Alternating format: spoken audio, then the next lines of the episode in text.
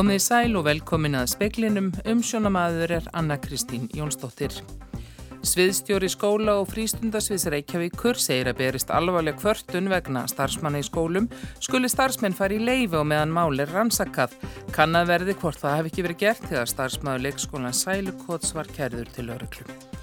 Viðbúnaður vegna yfirvofandi hriðjuverka hefur verið aukinn í Breitlandi eftir að sprengja sprakk í leigubíl í Liverpool í gær. Hátt í 7000 manns mættu í þrýju spröytu í laugadalshöll á fyrsta degi örfunar bólusetningar við COVID-19. Stór tónleikum tenósins Andrea Bocelli hefur verið frestað í þriðja sinn vegna faraldursins. Talsmaður senu segir að yfirvöld þurfa að finna lausnir svo hægt sé að halda stóra viðburði. Og í kvöld funda innaríkisráð þeirra frakka og breyta í Parísum flóttamannamál eftir að hnútur hafa flóið á milliðira. Nokkuð er um að foreldrar barna á leikskólanum Sælukoti hafi samband við skóla og frístundasvið Reykjavíkur og byggjum fluttning fyrir börn sín. Starfsmæðu leikskólanais hefur verið kæriður til lauruglu vegna grunnsum brot gegn þryggjára stúlku. Helgi Grímsson sviðstjóri segir að borginni hafi borist ábendingar vegna starfsemi á Sælukoti. Við fylgjum með því alls í lagi og síðan bara veit við viðkomandi rekstraræða þá leiðsögn sem til þarf eða fyrirmæli, allt eftir hvers aðlis verkefnin eru. Það sem maður nefnir og ert að tilgjörna sérstaklega varandi fjölda barnabakvið starfsmenn, þetta er það sem aðrun sem er til skoðunar en niðurstað liggur ekki endalega fyrir. Nú hefur komið fram að starfsmæður á sælukoti hefur verið kærður fyrir kynferðslegt ofbeldi gagvart barni. Vissu þið hjá Reykjavíkuborg af þessu áður en þetta kom fram í fjölmjölum? Já, viðkomandi stjórnandi í leikskólum hafði samband við skóla og frístundasvið núna í sumar og við leiðbendum strax bara með það að tilkynna þetta atvik eða þessi atvik til barnavendareikjaðugur sem að síðan fór í gegnum málið og eins líka bara að veita leiðsögvarandi ráningarsamband milli viðkomandi leikskóla og þessar stafsmanns á meðan að rannsókmáls færi fram. Hverjar eru reglur borgarinnar í svona málum? Þegar svona mál kom upp þá, þá er alltaf viðkomandi sendur í leifið þannig að niðurstöða málsleikur fyrir og slíka leðsök ber okkur að veita. Sagði Helgi Grímsson við önnu Lilju Þóristóttur. Helgi segir að það verði skoða sérstaklega hafi starfsmæðun ekki verið sendur í leifi í sömar. Nú er ytra mat á starfsemi leikskólans í lokaferli, rekstraraðilar og leikskólastjóri hafi verið bóðaðir á fund síðar í vikunni með borginni. Óbólusettir eru þungur baggi á heilbriðiskerfinu hér, segir Sigriður Dóra Magnúsdóttir, framkvæmdastjóri lækninga hjá heilsugjæslu höfuborgarsæðisins. Um 10% landsmanna eru ekki bólusett en um helmingur COVID-innlagna á sjúkrahús er vegna fólk sem ekki hefur látið bólusetja sig. Já, það skapast náttúrulega vandræði af þessum hópi því hann, hann er náttúrulega bæði miklu meira íþingjandi fyrir heilbriðiskerfið Þetta fólk er að veikjast af innlöðum eru þeir svona um það byrjum helmingurinn af öllum þessum erfiðu smittum. Þannig þeir eru þungubækja á kerfinu, þeir eru líka meira smitandi, bera smitt meira á milli. Þannig að við myndum nú mjög gætna að vilja geta rætt meira við þennan hóp til að útskýra fyrir þeim fórsendur og þannig að mann taki kannski upplista ákvörðun um að fara í bólusetninguna sagði Sigriður Dóra Magnúsdóttir en nánar verður rætt við Sigriði síðar í speklinu. Viðbúnaðarstig vegna yfirvofandi hriðjuverka var hækkað í Bretland í dag eftir að sprengja sprakki gær í leigubíli Liverpool. Málið er rannsakað sem hriðjuverk. Boris Jónsson forsættisir á þeirra bóðaði í dag Kóbrahópin, þjóðar öryggisráð Bretlands til fundar á samt nefnd sérfræðinga sem metur hriðjuverk til að ræða sprenginguna í Liverpool í gær og viðbrögðu við henni.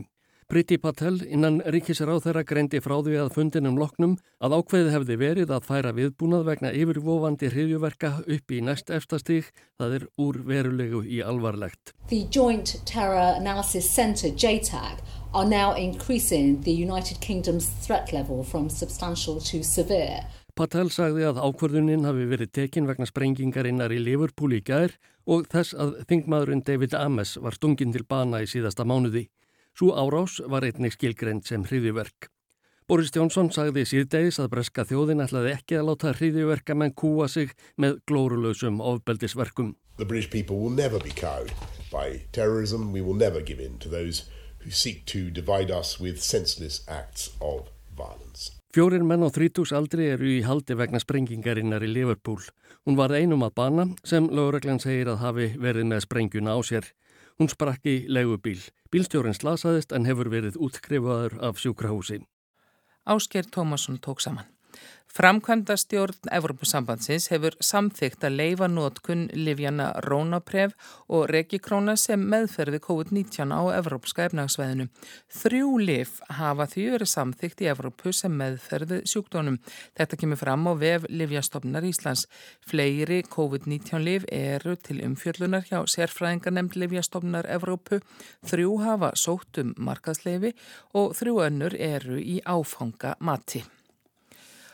Óbólusettu fólki í Berlín, höfuborg Þýskalands er frá með deginum í dag óheimilt að borða á veitingahúsum, fara á bari eða í kvikmundahús svo nokkuð sér nefnd. Kórunveru smittum hefur fjölgað mjög í Þýskalandi að undafönnu. Reglurnar sem borgar yfirvöld í Berlín settu eru með þeim hörðustu í sambandsríkjum Þýskalands. Auk þess að mega ekki fara út að borða eða drekka og fara í kvikmyndahús er óbólusettu fólki bannað að fara í rektina og rakara á hárgreðslustofur eða mæta á viðburði þar sem fleiri en 2000 eru samankomnir utan dýra svo sem ákna spyrnuleiki. Börn og ungmenni og fólk sem ekki getur látið bólusitja sig gegn koronaveirunni af einhverjum sökum eru undan þegin þessum takmörkunum en þurfa að framvísa vott orði um að vera ósmituð. Þá eru stjórnendur fyrirtækja hvattir til að byggja fólk að vinna heima. Verusmittum hefur fjölgað mjög í Þískalandi að undanförnu. Ástandið er orðið slíkt að á sumum sjúkrahúsum þarf að fresta aðgerðum sem ekki teljast bráð nöðsynlegar vegna fjölgunar COVID-19 sjúklinga. Bólusetning gegn veirunni hefur gengið hægar í Þískalandi en stjórnvöld telja eskilegt. Rúmlega tveir triðju hlutar þjóðarinnar eru bólusettir að fullu. Ásker Tómasson saðið frá. Og Þórúlu Guðnarsson sóttvartanlæknir segir í skriflegu svari til fréttastofu að aldrei hafi verið rætt á nefni alvöru hér á landi að setja aukna hvaðir á þá sem ekki eru bólusettir. Steve Bannon, ráðgjafi bandaríkjaforsetta í forsetatíð Donalds Trumps, hefur gefið sig fram við bandarísku alríkis lögurluna í Washington. Dómsmálaráðanettið ákjærði Bannon fyrir að sína bandaríkja þingi lítilsvirðing á dögunum eftir að Bannon neytaði að bera vittni um árás stuðningsmanna Trumps á þinghúsið þann 7. janúar og neitt hefða aðfenda skjöl sem beði var um. Að mati lögfræðinga Bannons þarf hann ekki að upplýsa um samskipti sín við forsetan á grundvelli regluna um fríðhelgi framkvæmdavaldsins. Trump hefur sjálfur kvart fyrirverandi aðstofmenn sína og ráðgjafa til að hafna því að bera vittni á þessum sömu forsendum. Stórtónleikum söngvarans Andrea Bocelli sem átti að vera hér eftir rúma viku hefur nú verið frestað í þriðja sinn. Ísleifur Þórhaldsson, framkvæmdastjóri viðburðafyrirtæksins Senu Live, segir synd að þurfa að aflýsa viðburði sem hefði blásið hundruðum miljóna króna inn í hagkerfið og hann kallar eftir því að yfirvöld líti til skiplags og öryggis viðburða fremur en fjölda á horfenda. Ég vil nú alveg meina það að umgjörðin að öðru leiti og alla rástafanir hefðu alveg átt að döga til. Þetta eru númerusæti, grímurskylda, við stjórnum við hvernig fólk flæðir inn og út, eh, flestir kaupa tvo miða, þannig að þú ert bara með þínu fólki í þínu sæti og svo yfirgefur úr húsið og fara ekki að senda allir hraðpróf. Þannig að ég, ég tel nú að skipti ekki höfumáli hvort að salnum hefði verið skipti 500 manna svæði eða 1500. Þegar þetta, þá er hendt út svona einhverju ákalli í samfélagi eða fólk ætti að hugsa sig um að þá er búið að búa til einhvern efa um það hvort það sé lægi að fara á tónleika sem er leifilegt að halda og það sem öllum reglum er verið að framfylgja og þá hefur það verið svolítið að aukast að fólk segist ekki trista sér og byður um endurgreðslur. Þannig að það er orðið mjög mikilvægt að það komi núna eitthvað frá yfirvöldum að þeir ábyrgir aðlar eru að halda leifilega tónleika samkvæmt allur reglum og þá sé lægi að fara. Sagði Ísleifur Þórhaldsson.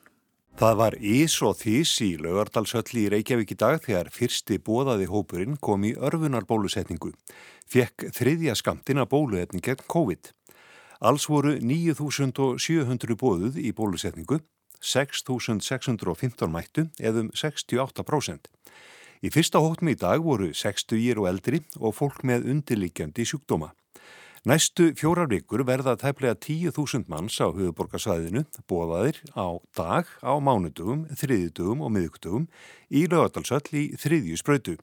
Fyrirkomulag annar starflandinu er í mótun. En hversu mikilvæg er þessi örfunarspröyta fyrir hvern og einn og fyrir hildina? Og hvað með þá sem hafa ekki þegi bólusetningu yfir höfuð, 10% mannfjöldans? Hvaða áhrif hafa þeir á útbreyslu og alvarleika smita og á helbriðskerfið?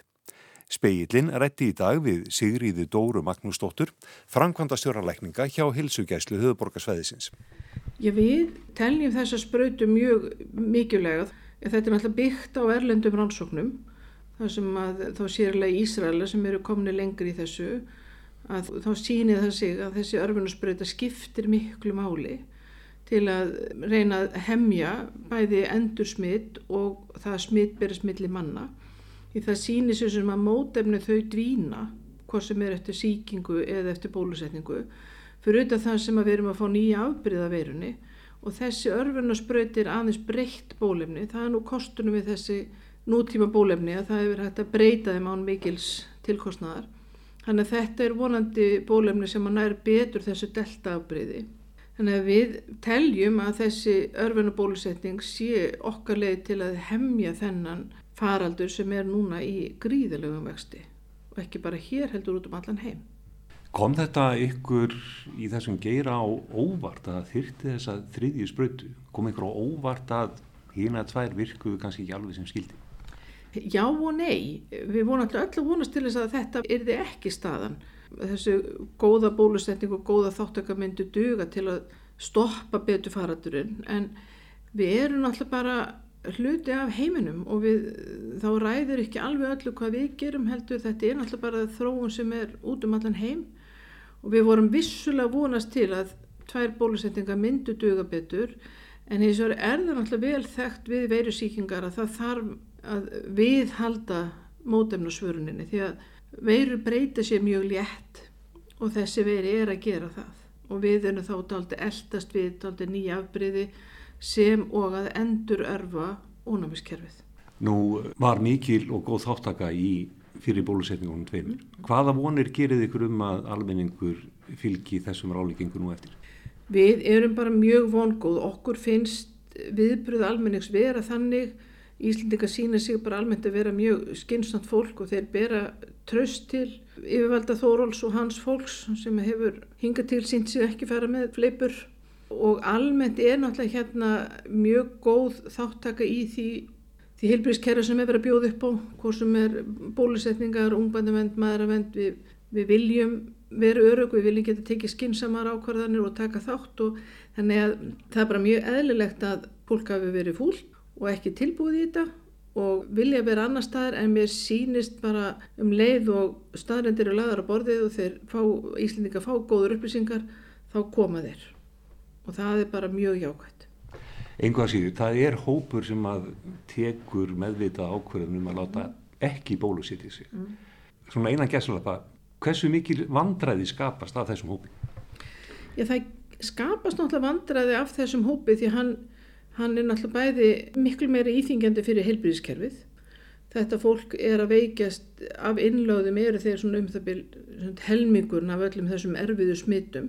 Þannig að þeir eru þungubækja á kerfinu, þeir eru líka meira smitandi, bera smitt meira á milli. Þannig að við myndum nú mjög gætna að vilja geta rætt meira við þennan hóp til að útskýra fyrir þeim fórsendur og þannig að mann taki kannski upplýsta ákvörðun um að fari bólusetninguna. Nú eru fréttur utan úr heimi, það eru ímis ríki að grýpa til rástafana gagvar þessum hópi. Það er jáfnveil útgöngubann í Austuríki og hollendingar eru einni með, með rástafanir.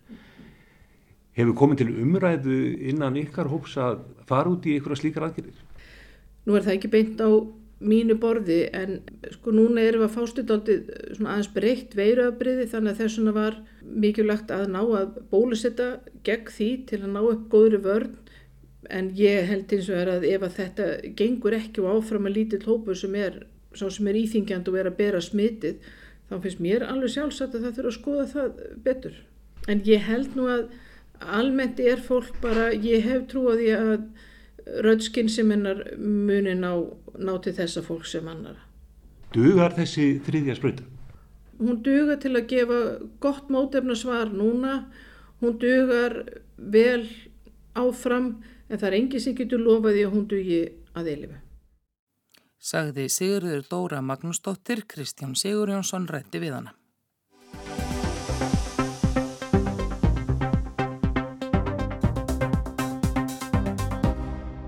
Á næsta árum þá hverfa mjög fjölmennar kynsloðir að vinnumarkað á Íslandi. Fólk sem er um eða undir sjötugt og við það gerist ímislegt. Meðal annars lækkar hlutfall þeirra sem eru starfandi á móti þeim sem komnir er á eftirlaun, segir Óluf Garðarstóttir, prófessor í sagfræði og fórseti hugvísindadeildar Háskóla Íslands. Fæðingatíðin á Íslandi var geysilega há í alþjóðlegum samanbörði í kringu 1960, sem stundur lók sjötta áratöðurins í upphafðu sjönda og nú er akkurat þessar, eh, er akkurat þessar stjettir að fara að fara á eftirlaun. Þannig að það sem gerist þá er að hlutfall þeirra sem er á vinnumarkaði lækkar talsvelt samanborið við þá sem er aldraðir.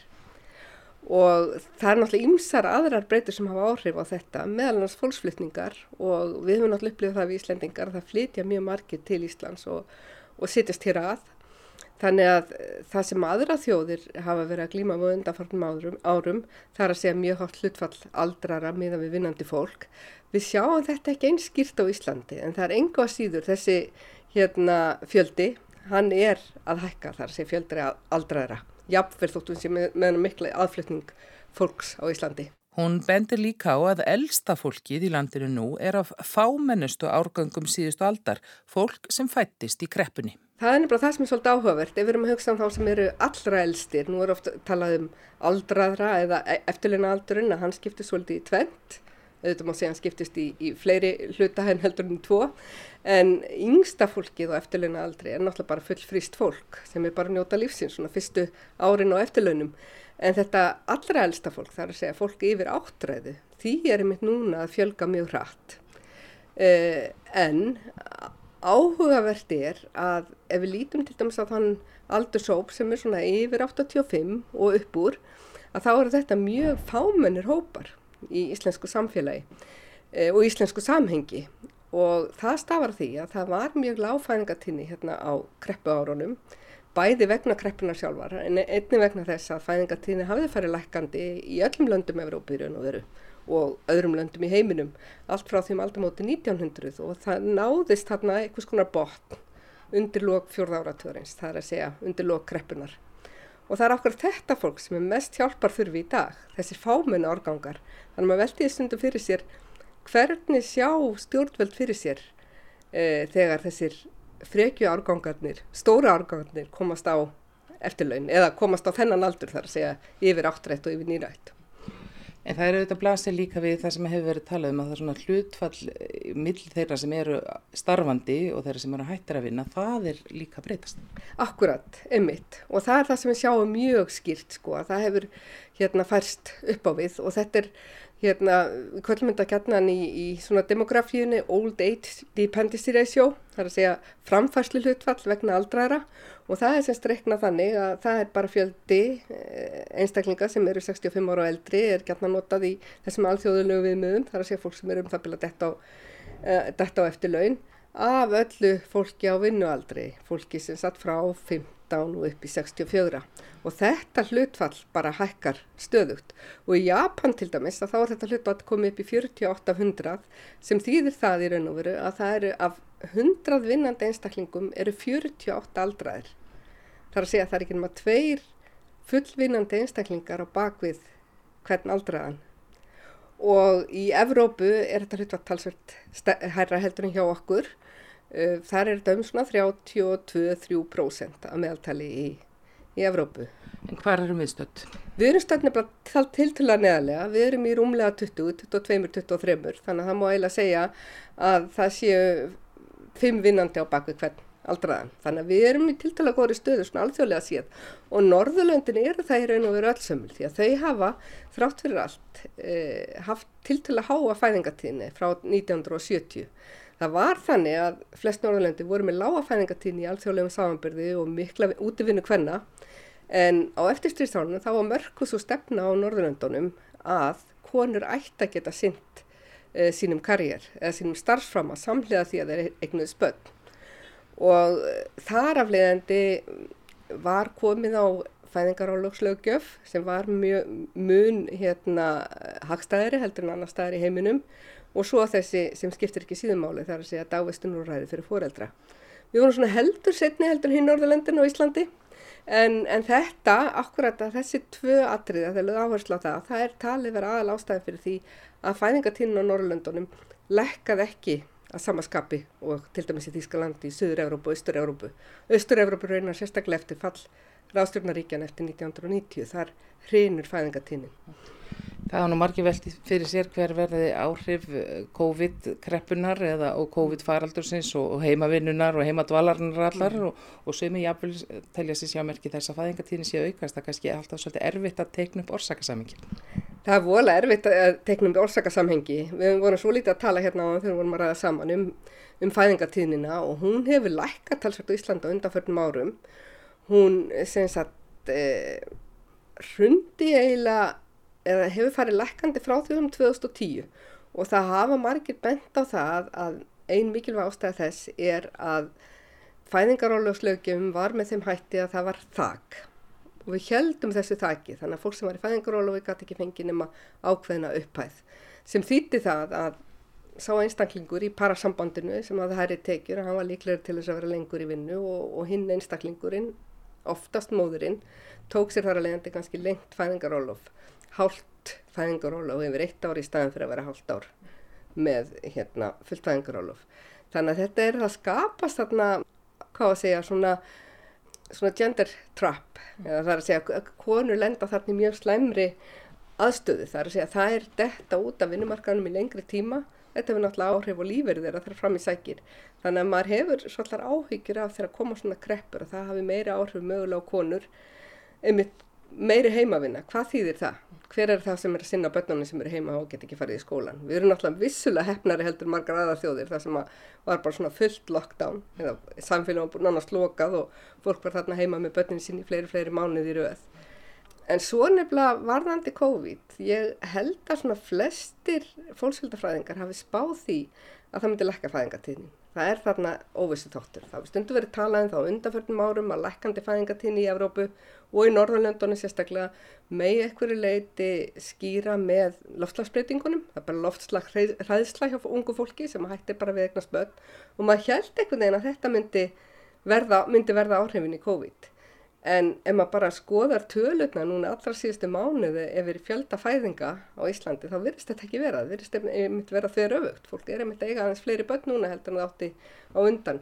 Hvort að það er hægt að skýra það með COVID eða hvort það er einmitt bara vegna þess að fæðingarólugslöfgeðinu var breytt núna og bæði var þetta þakk hækkað eitthvað en svo var hún lengt líka úr nýja mánuðum í tíu fæðingarólufið sem sagt Þannig að það er erfitt að segja hvert orsakasammingið er og við eigum náttúrulega eftir að sjá það bara næstu mánuðum hver áhrif COVID eru því að ég einhvern allt árið 2020 það er svo sem lítið að marka það því að þau börn sem komu undir áður en að COVID skall á að, að þau fætist náttúrulega ekki fyrir loka ársins eða upp af árs 2021 en manni sínist allavega í Íslanda þetta vekja aftur áhrif að draga úr fængatími sko sem er áhugavert.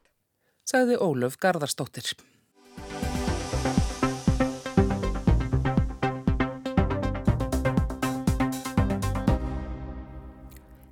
Það eru væringar á jöðurum Evrópu vegna flótamanna og líka í Fraklandi þar sem flótamenn sapna saman á ströndum Ermarsunds til að reyna að komast til Breitlands.